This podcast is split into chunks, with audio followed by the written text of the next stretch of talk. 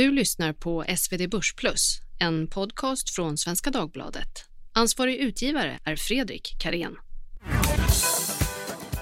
Hej och välkomna till Börsplus podcast. Det här är en podd som är ett komplement till analystjänsten SvD Börsplus där vi skriver en ruskig massa analyser till våra prenumeranter. I podden så dyker vi ner och vrider och vänder på ett antal av de här analyserna lite extra som ett smakprov.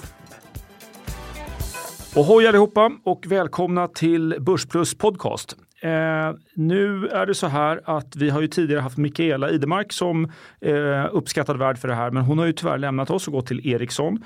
Eh, hon kanske kommer tillbaka när vi har ett 5G specialavsnitt, så, men fram till dess får ni hålla till godo med mig, Peter Benson och min kollega Daniel. Hej hej. Svensson kanske vi ska tydliggöra också. Ja. Hej Daniel. Hej.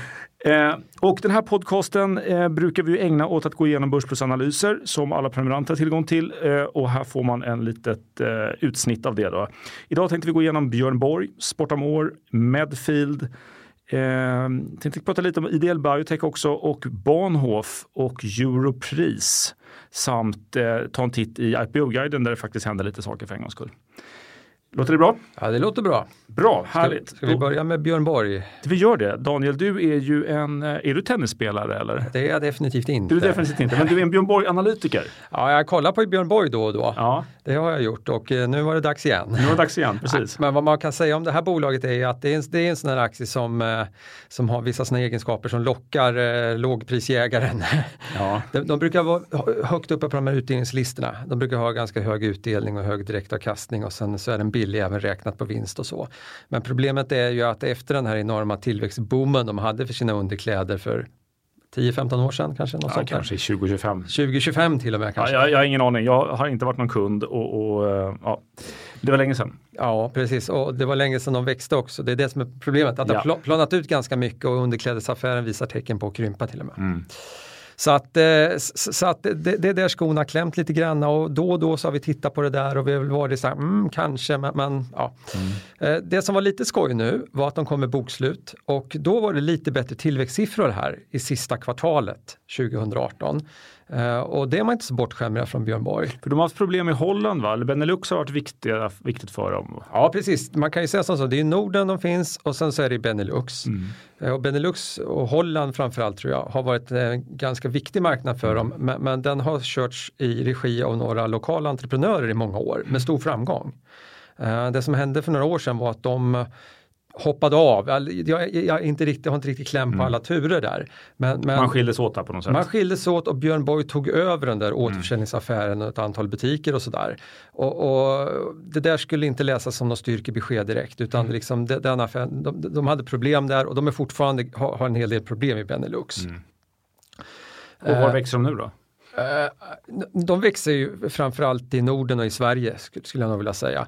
Men framförallt är det på det de kallar sportmode eller sportkollektionen då. För det är ju deras strategi här lite grann att Underkläderna, de, de, har, de, är starka på det men, det men det är svårt att expandera särskilt mycket mer. Men Björn Borg var ju en idrottsman så att det är liksom inte så långsökt att tänka sig att de kan göra shorts och, och t-shirts och mm. andra typer av träningsbyxor eller vad det nu handlar om. Mm. Och, sånt, va? och nu hade de jättebra införsäljning på de här sportprodukterna.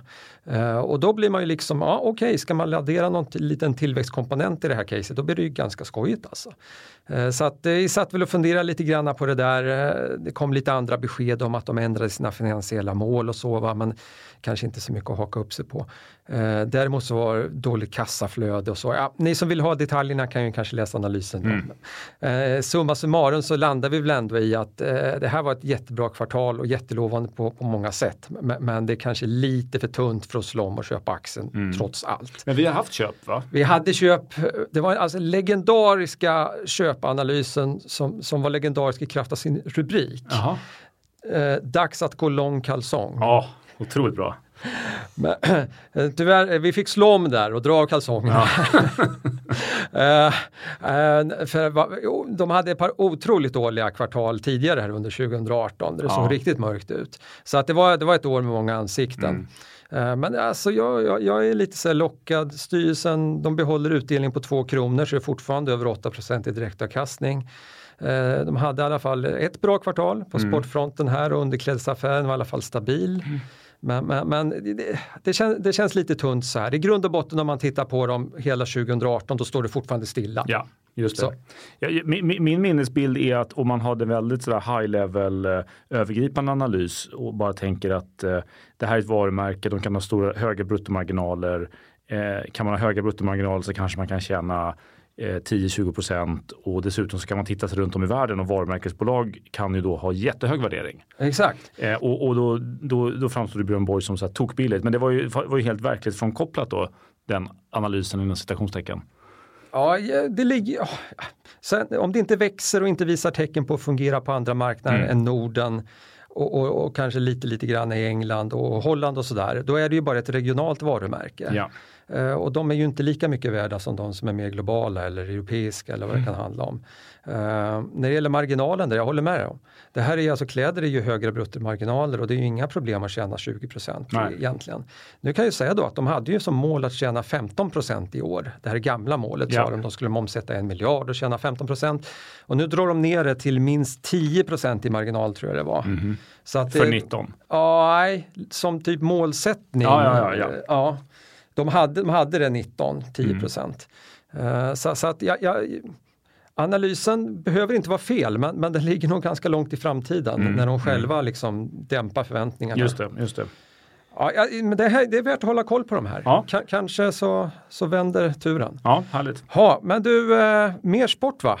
Eh, vi har kollat på de här eh, Sportamore också. Ja, exakt, Sportamore. Och där är det en viktig debatt apropå det här med ordvitseri och så. Om det här är Sportamore, lite mer italienskt kärleksbetonat, eller om det är Sportamore, sporta mer. Mm. Men någonting är det.